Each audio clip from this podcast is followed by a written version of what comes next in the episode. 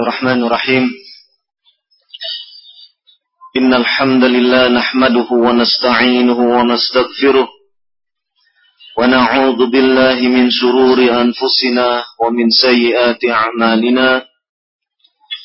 من يهده الله فلا مضل له ومن يضلل فلا هادي له. أشهد أن لا إله إلا الله وحده لا شريك له. وأشهد أن محمدا عبده ورسوله. يا أيها الذين آمنوا اتقوا الله حق تقاته ولا تموتن إلا وأنتم مسلمون. يا أيها الناس اتقوا ربكم الذي خلقكم من نفس واحدة وخلق منها زوجها وبث منهما رجالا كثيرا ونساء. واتقوا الله الذي تساءلون به والأرحام إن الله كان عليكم رقيبا. يا أيها الذين آمنوا اتقوا الله وقولوا قولا سديدا. يصلح لكم أعمالكم ويغفر لكم ذنوبكم. ومن يطع الله ورسوله فقد فاز فوزا عظيما.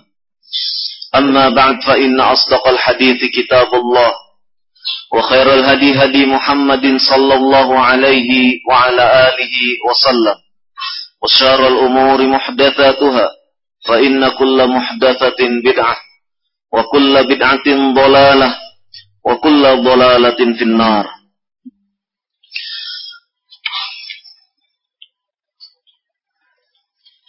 Kita panjatkan syukur kepada Allah Subhanahu wa taala yang telah melimpahkan beragam nikmat kepada kita semua. Dan hingga malam ini nikmat itu masih dan terus kita rasakan. Nikmat kita bisa duduk di dalam majelis ilmu untuk menelaah memahami syariat yang diturunkan oleh Allah Subhanahu wa taala melalui malaikat Jibril kepada Rasulullah sallallahu alaihi wasallam yang akhirnya sampai kepada kita. Ini adalah merupakan nikmat yang teramat agung yang patut untuk kita syukuri. Karena dengan itu pula kita mendapatkan hidayah taufik yang tidak semua manusia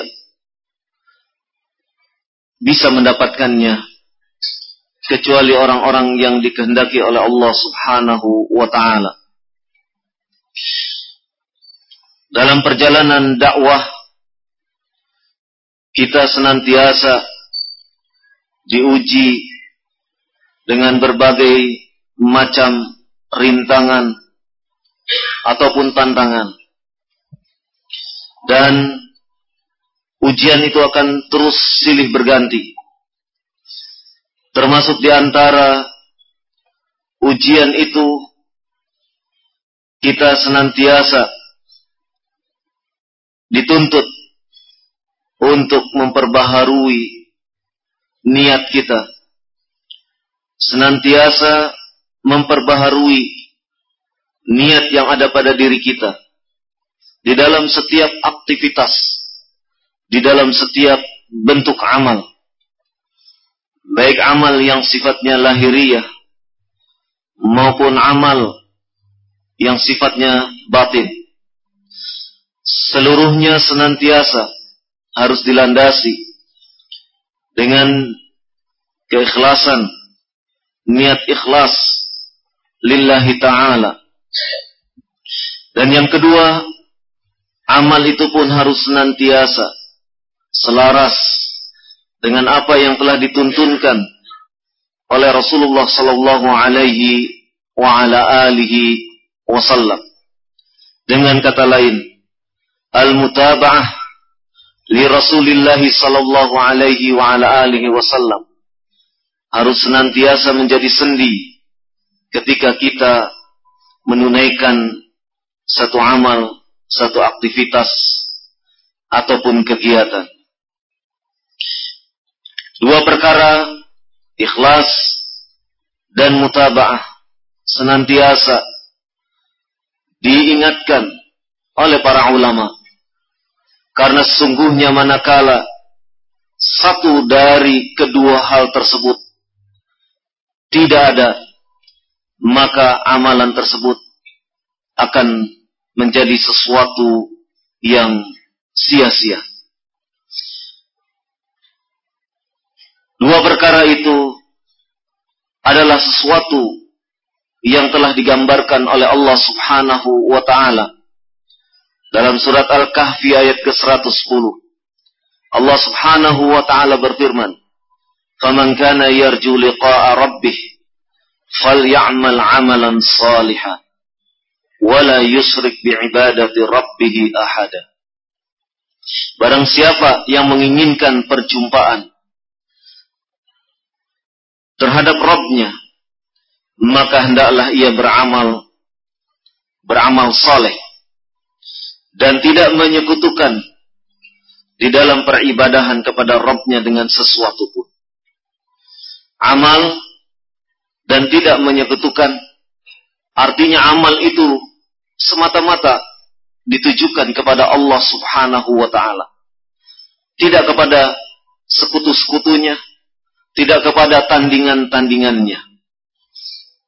Amal, seseorang beramal, beramal saleh, yaitu mengikuti ittiba kepada apa yang telah dicontohkan oleh Rasulullah sallallahu alaihi wasallam.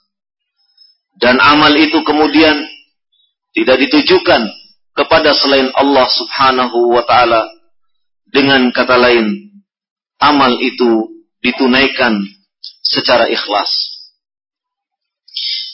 Al-Fudail bin Iyad rahimahullah pernah menyampaikan ketika menukilkan sebuah ayat dalam surat Al-Mulk ayat kedua. Beliau menukilkan firman Allah Subhanahu wa taala, "Liyabluwakum ayyukum ahsanu amala." agar Allah Subhanahu wa taala menguji kalian. Siapakah di antara kalian yang ahsanu amala, yang terbaik amalannya? Kata Al-Fudail Ibnu Iyad rahimahullah yang dimaksud dengan firman Allah Subhanahu wa taala tersebut akhlasuhu wa aswabuh yaitu orang yang paling ikhlas di dalam beramal dan paling menepati selaras dengan apa yang telah dicontohkan oleh Nabi Sallallahu Alaihi Wasallam. Kemudian ditanyakan kepada Al Fudail ibn Iyad rahimahullah. Qalu ya Aba Ali, ma akhlas wa aswabuh. Apa yang dimaksud dengan yang paling ikhlas dan paling benar tersebut? Qala maka jawab Al-Fudail Ibnu Iyad rahimahullah. Innal amala idza kana khalisan wa lam yakun sawaban lam yuqbal. Wa idza kana sawaban wa lam yakun khalisan lam yuqbal. Hatta yakuna khalisan sawaban. Ila akhir. Kata Fudail Ibnu Iyad rahimahullah sesungguhnya amal itu apabila ditunaikan dengan ikhlas tapi tidak dengan mengikuti atau tidak dengan dasar ittiba terhadap Rasulullah sallallahu alaihi wasallam maka amal itu pun tidak akan diterima dan demikian pula manakala amal itu ditunaikan berdasar mengikuti tuntunan Nabi Sallallahu Alaihi Wasallam, namun tidak dilandasi dengan keikhlasan, maka amal itu pun tidak akan diterima oleh Allah Subhanahu wa Ta'ala.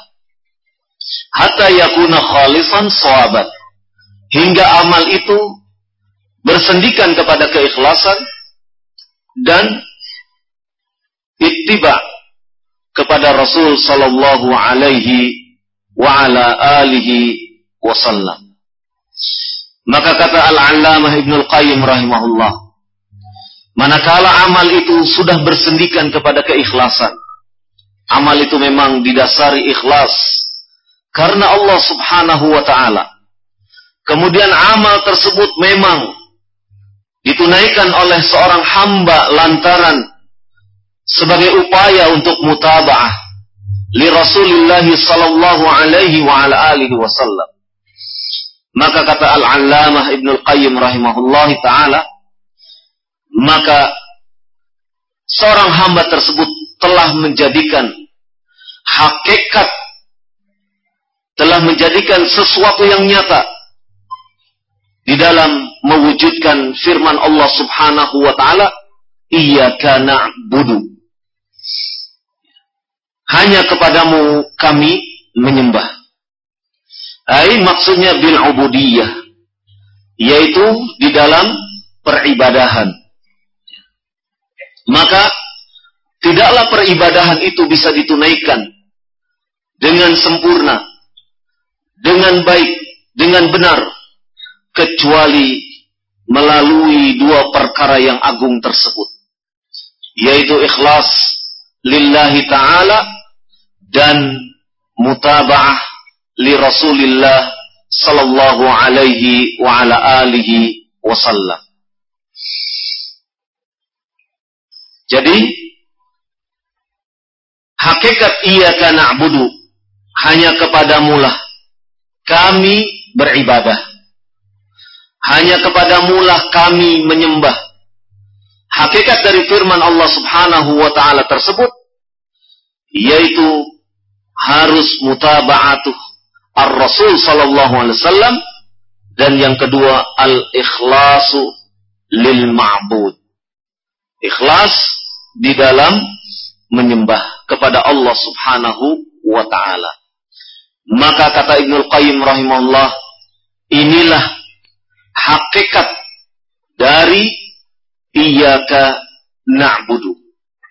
Hanya kepadamu kami menyembah. Maka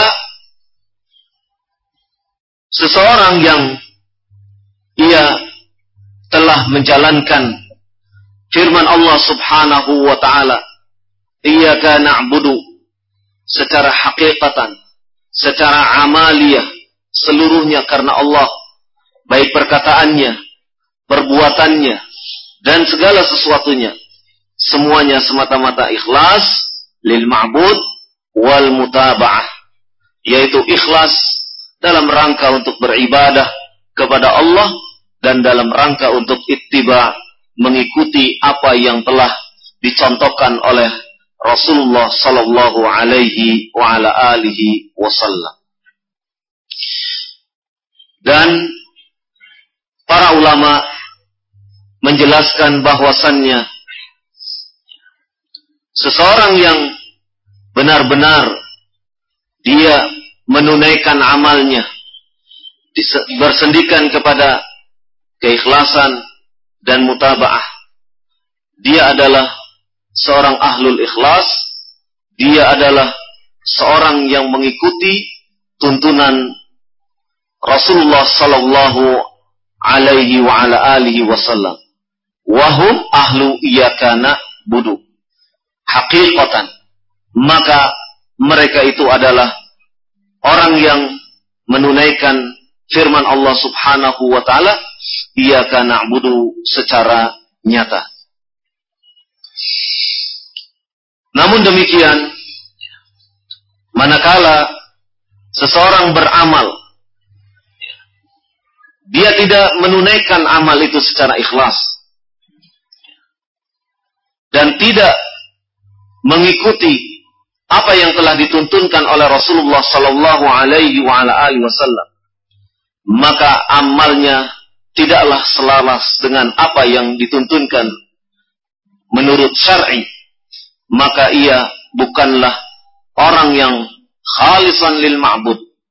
Dia tidak termasuk orang-orang yang ikhlas di dalam beribadah kepada Allah Subhanahu wa taala Demikian juga ia tidak menjadi orang yang mutaba'ah mengikuti kepada apa yang dituntunkan oleh Rasul sallallahu alaihi wa ala alihi wasallam. Maka ia adalah termasuk orang-orang yang menghidupkan al-bidah wa dhalalat yaitu segala sesuatu yang tidak dicontohkan oleh Rasulullah sallallahu alaihi wasallam dan ia menghidupkan kesesatan demi kesesatan.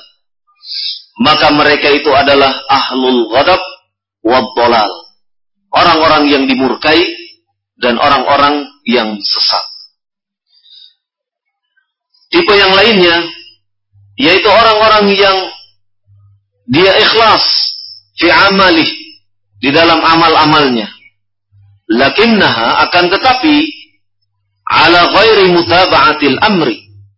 Akan tetapi ketika ia beramal amalnya itu tidak di atas dasar mutaba'ah kepada apa yang diperintahkan oleh Rasul sallallahu alaihi wa ala alihi wasallam. Maka orang yang demikian ini kata Syekh Abdul Salam bin bin Barjas rahimahullah kajuhalul abbad seperti orang-orang yang jahil, orang-orang ahli ibadah yang jahil. Ia hanya menunaikan peribadahan, tetapi ibadahnya tidak disandarkan kepada keikhlasan karena Allah Subhanahu wa Ta'ala. Orang-orang yang menyandarkan kepada cara zuhud wal fakir wal fakir dan segala sesuatu yang ia anggap itu adalah jalan kebenaran. Namun sesungguhnya yang ia perbuat adalah sesuatu yang tidak diridhoi oleh Allah Subhanahu wa taala. Kemudian macam orang yang keempat adalah orang yang amalnya ala mutaba'atil amri amalnya di atas ittiba kepada apa yang diperintahkan oleh Rasul sallallahu alaihi wasallam. Lakinnaha li ghairillah. Akan tetapi ia ketika beramal bukan karena Allah Subhanahu wa taala atau diperuntukkan kepada selain Allah Subhanahu wa taala. Seperti apa? Seperti orang yang mengerjakan ketaatan tetapi niatnya dalam rangka untuk ria. Supaya dilihat oleh orang lain supaya didengar oleh orang lain supaya mendapatkan popularitas nama dan yang lainnya. Maka orang yang demikian ini adalah sebagaimana digambarkan dalam hadis yang sahih. Hadis yang sahih. Sebagaimana telah berlalu pelajaran yang pernah kita yang pernah kita kaji di dalam majelis ini. Yaitu ada orang-orang yang menganggap dirinya telah berjihad di jalan Allah tetapi ternyata ia niat jihadnya bukan karena Allah Subhanahu wa taala namun karena ingin disebut sebagai seorang yang pemberani. Seseorang yang belajar Al-Qur'an pandai namun apa yang ia pelajari niat yang ia lakukan bukan karena Allah Subhanahu wa taala, namun karena ingin disebut sebagai seorang qari yang bacaannya merdu, yang bacaannya indah. Hanya itu yang ia ingin dapatkan. Atau seseorang yang bersedekah namun sedekahnya bukan karena Allah Subhanahu wa taala, namun karena ingin disebut sebagai orang yang dermawan. Kisah ini menjadi contoh bagaimana seseorang melakukan amal ala mutaba'atil amri amal itu di atas ittiba kepada Rasul sallallahu alaihi wasallam namun li ghairillah amal tersebut bukan ditujukan karena Allah bukan dituju bukan ditujukan kepada Allah Subhanahu wa taala tetapi kepada selain Allah Subhanahu wa taala maka yang demikian ini menjadikan amal seseorang kemudian sia-sia dan ia di akhirat akan mendapatkan penyesalan demi penyesalan. Firman Allah Subhanahu wa taala mengingatkan kepada kita untuk senantiasa ikhlas di dalam beramal. Sebagaimana firman Allah Subhanahu wa taala yang telah ma'ruf kita ketahui dan kita hafalkan. Wa ma umiru illa liya'budullaha mukhlishina lahuddin. Dan tiadalah aku perintahkan kepada kalian kecuali dalam upaya untuk beribadah hanya kepada Allah dengan mengikhlaskan baginya agama tersebut. Dan banyak lagi ayat-ayat Allah Subhanahu wa taala, firman Allah Subhanahu wa taala yang memerintahkan tentang amalan yang harus dilandasi ikhlas karena Allah Subhanahu wa taala. Ikhafidin azakumullah. Demikian juga amalan yang harus dilandaskan atau dilandasi karena ittiba kepada Rasul sallallahu alaihi wa ala alihi wasallam. Sebagaimana di dalam firman Allah Subhanahu wa taala, "Qul in kuntum tuhibbunallah fattabi'uni yuhibbukumullah wa yaghfir lakum dzunubakum wallahu ghafurur rahim." dalam surat Al-Imran ayat ke-31. Katakanlah, jika kalian mencintai Allah, maka ikutilah aku. Perintah untuk berittiba, perintah untuk mengikuti apa yang telah diperbuat, diamalkan, diperintahkan oleh Rasulullah sallallahu alaihi wasallam. Fattabi'uni.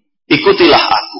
Ikuti Rasulullah sallallahu alaihi wa ala alihi wasallam. Yuhibbukumullahu niscaya Allah akan mencintai kalian wa yaghfir lakum dzunubakum dan niscaya Allah akan mengampuni dosa-dosa kalian.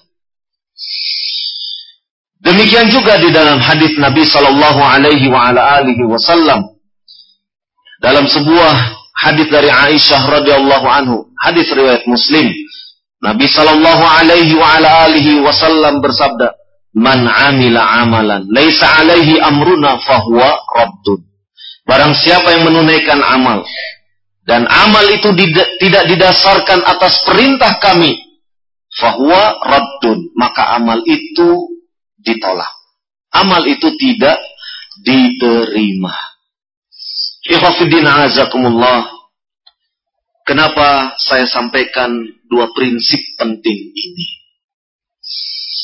Dua prinsip penting ini menjadi landasan kita di dalam mewujudkan nilai-nilai Islam di dalam keseharian kita.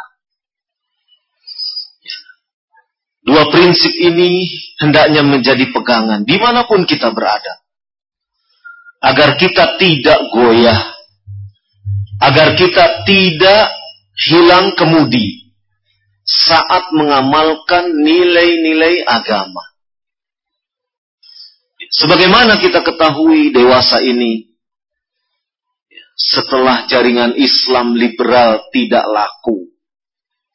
Ya. Tidak bisa diterima. Hanya sedikit peminatnya. Maka Orang-orang yang benci kepada dakwah ini. Orang-orang yang memusuhi dakwah ini. Membuat tipu daya baru. Dulu namanya jil. Kelompok jil. Sekarang kelompok jin. Jaringan Islam Nusantara. Mereka terus menyuarakan Islam Nusantara. Islam Nusantara. Apa maknanya? Maknanya bahwasannya kita ini orang Indonesia. Mengamalkan Islam dengan ala Nusantara. Dengan ala keindonesiaan. Bukan Islam yang ke Arab-Araban. Bukan Islam Arab.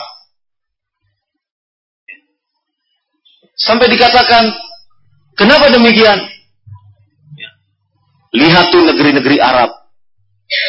Tidak ada yang aman, tidak ada yang damai. Yaman perang. Suriah kacau. Mesir berantakan. Konflik terus menerus. Lihat.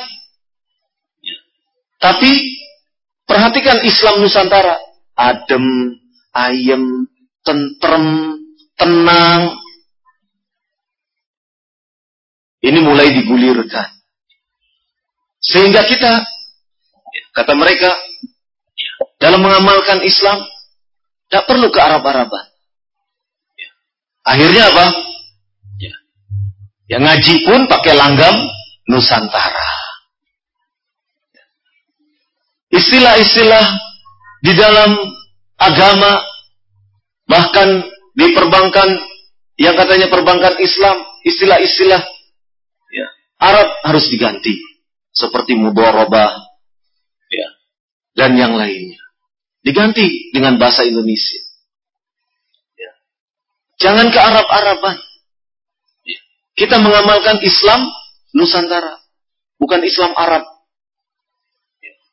Jadi segala sesuatu diterjemahkan ke dalam bahasa Indonesia. Sebenarnya kalau kita mempelajari ya, mempelajari ya, sejarah ataupun mempelajari apa yang sudah diperbuat oleh pendahulu-pendahulu mereka dari kelompok jin ini, ya, jaringan Islam Nusantara. Kita tidak aneh.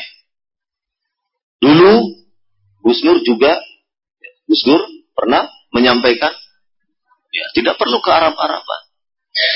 Assalamualaikum ganti saja selamat pagi. Kalau siang ya selamat siang. Kalau sore selamat sore.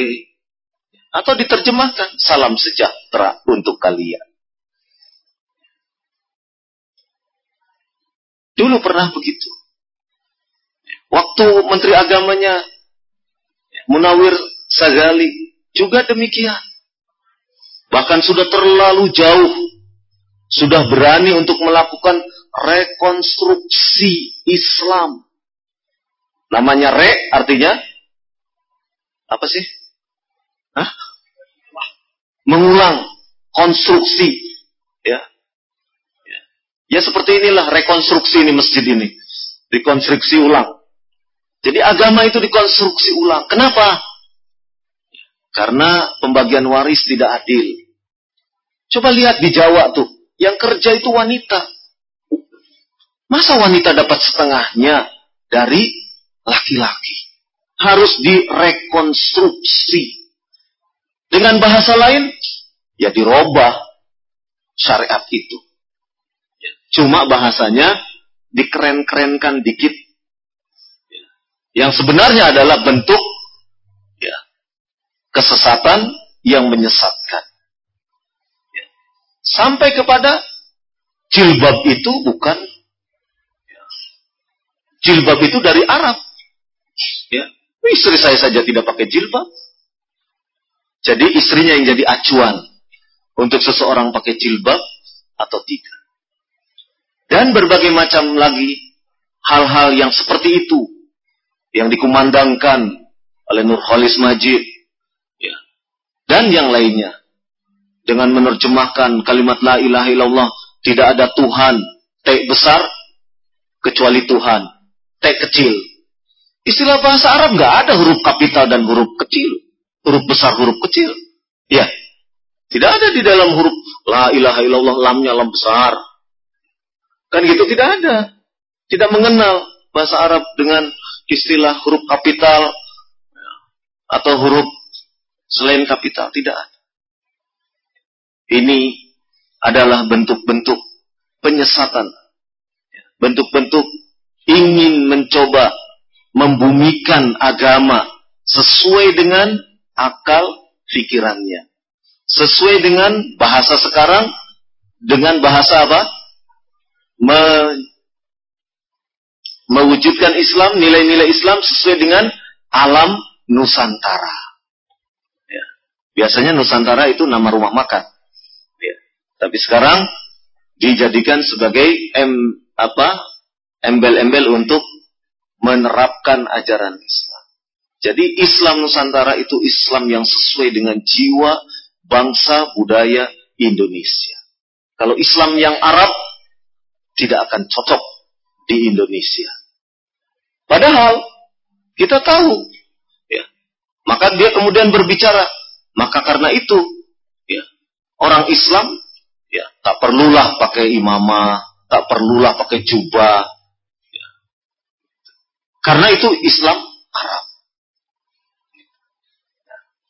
Karena itu Islam Arab. Jadi pakai apa? Ya yang penting seorang muslim ya menampilkan akhlak yang baik. Ya, menampilkan akhlak yang baik. Ya, dia tidak memahami bahwasannya ketika memakai jubah termasuk bahagian dari berakhlak yang baik. Ya, memakai imamah, memakai kopea termasuk bahagian wujud dari cara berakhlak yang baik. Dia lupa kalau pendiri NU itu pun pakai imamah. Dia lupa kalau pendiri NU itu juga berjenggot.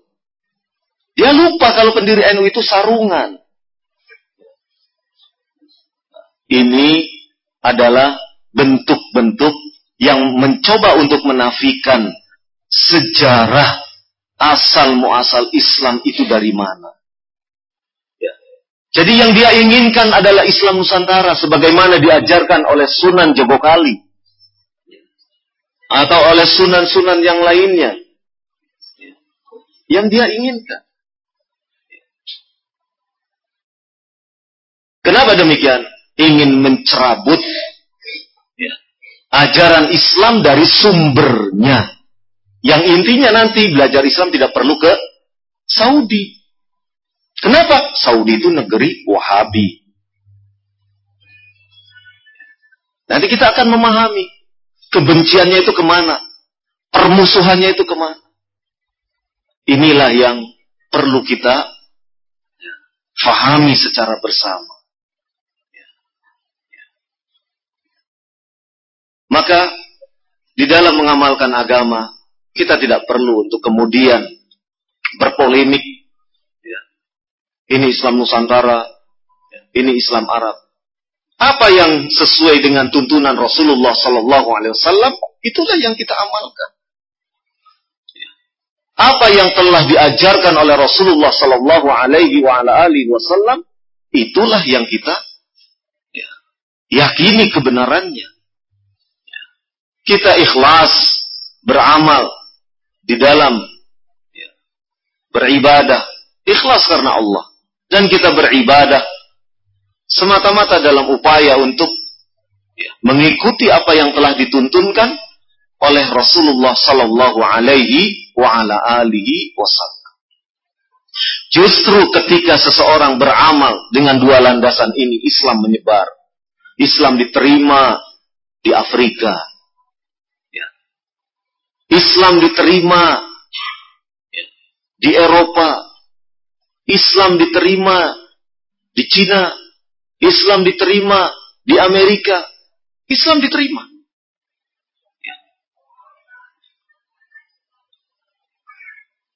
Ini menunjukkan bahwasannya Islam yang berasal dari negeri Arab bisa diterima di berbagai tempat. Ketika kita mengucapkan Assalamualaikum, di negeri Cina. Kemudian ada seorang muslim Cina di sana yang mendengar. Pasti akan menjawab waalaikumsalam. Satu kesatuan. Satu kesatuan. Ya. Maka kita harus benar-benar mempelajari kembali. Benar-benar apa yang kita pelajari harus betul-betul kita fahami. Sehingga orang-orang yang membenci kepada dakwah, orang-orang yang memusuhi kepada dakwah terus berupaya untuk menancapkan cakar-cakar mereka ya, sehingga umat Islam berpaling dari hakikat ajaran agama yang benar. Hakikat ajaran agama yang benar yang berasal dari Rasulullah Sallallahu Alaihi Wasallam. Rasulullah Sallallahu Alaihi Wasallam orang Arab. Al-Quran pun dengan bahasa Arab. Tapi anehnya ada orang yang mencoba ya Islamnya jangan bukan Islam Arab, tapi Islam Nusantara. Ganjil pemikirannya. Sehingga dengan demikian ketika kita menunaikan syariat agama ini benar-benar tidak kemudian terkecoh oleh berbagai macam lontaran-lontaran pemikiran yang pemikiran itu adalah sesuatu yang sesat dan menyesatkan. Ikhwafidin azakumullah, mudah-mudahan Allah subhanahu wa ta'ala melindungi kita. Dan insya Allah salafin faham. Ya, bahwasannya apa yang di gagasan-gagasan yang terkait Islam Nusantara itu adalah sesuatu yang aneh, ganjil. Ya. Sesuatu yang tidak benar. Ya. Namun, kita harus bisa pula menjelaskan kepada orang lain. Ya, mungkin kita insya Allah lah terpengaruh dengan apa itu Islam Nusantara dan seterusnya. Tetapi kita harus memiliki pengertian, pemahaman ketika ada orang lain yang terpengaruh oleh pemikiran-pemikiran seperti itu. Di sinilah fungsi kita sebagai da'i ilallah. Orang yang menyeru ke jalan Allah untuk meluruskan pemikiran-pemikiran yang tidak benar tersebut. Sehingga orang dampak dari pemikiran ini, orang akan mengatakan, udahlah nggak usah pakai jubah-jubahan. Dan begitu. Sudahlah kerudung itu kan Arab. Biasa-biasa saja. Kan begitu. Ini subhat-subhat yang kemudian subhat ini akan mempengaruhi pola, sikap, perilaku, pemikiran di dalam beragama. Ini berbahaya di situ. Ya. Berbahaya seperti itu. Jadi, ya, ingin dikembalikan agama itu kepada para wali, ya, wali songo, ya, yang katanya telah menyebarkan Islam dengan damai. Ya. Memangnya sahabat menyebarkan Islam tidak dengan damai? Islam sampai ke Azar apa? Azar Baizan, iya. Sampai ke sana. Diterima dengan baik. Sampai Asia Tengah. Ya, sampai ke Afrika. Didakwahkan oleh para sahabat oleh para ulama dengan cara yang baik. Maka sedikit apa yang Anda sampaikan pada kesempatan malam hari ini mudah-mudahan menjadi bekal bagi kita, menjadi pencerahan bagi kita, setidaknya dalam hal mengamalkan agama, hendaklah kita semata-mata ikhlas karena Allah, betul-betul karena ingin mengikuti tuntunan sunnah Nabi Sallallahu Alaihi wasallam. Baik yang sifatnya zahir maupun yang sifatnya batin kita menggunakan jubah, mengenakan imamah, mengenakan kopiah, juga sikap kita, akhlak kita, mencerminkan sesuatu yang mulia. Sehingga tidak ada celah bagi orang-orang yang memiliki penyakit di dalam hatinya Melihat orang berjubah kemudian perilakunya tidak beres. Apa itu? Nah, ini menjadi celah. Untuk apa? Untuk menjatuhkan orang-orang yang mencoba ya, mengenakan pakaian yang menunjukkan kepada syiar-syiar keislaman. Ya.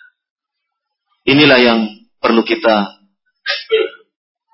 perlu kita camkan baik-baik. Ya, ketika kita mengenakan apa yang telah dituntunkan oleh Rasulullah Sallallahu Alaihi Wasallam ya, secara zahir baik itu pakaian ataupun yang lainnya maka seiring dengan itu ya tutur kata kita perilaku kita tingkah laku kita juga selaras dengan apa yang dituntunkan oleh Nabi Sallallahu Alaihi Wasallam. Dengan kata lain, kita menampilkan akhlak yang telah dicontohkan oleh Rasulullah Wasallam, baik sifatnya zahir maupun batin. Sehingga orang-orang yang memiliki kedengkian permusuhan kepada agama ini tidak mengambil celah dari apa yang kita perbuat.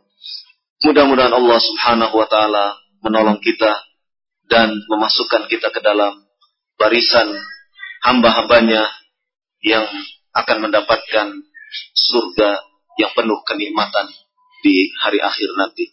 Wallahu a'lam bishawab. Atas segala kekurangan, keterbatasan dalam penyampaian, mohon maaf yang sedalam-dalamnya.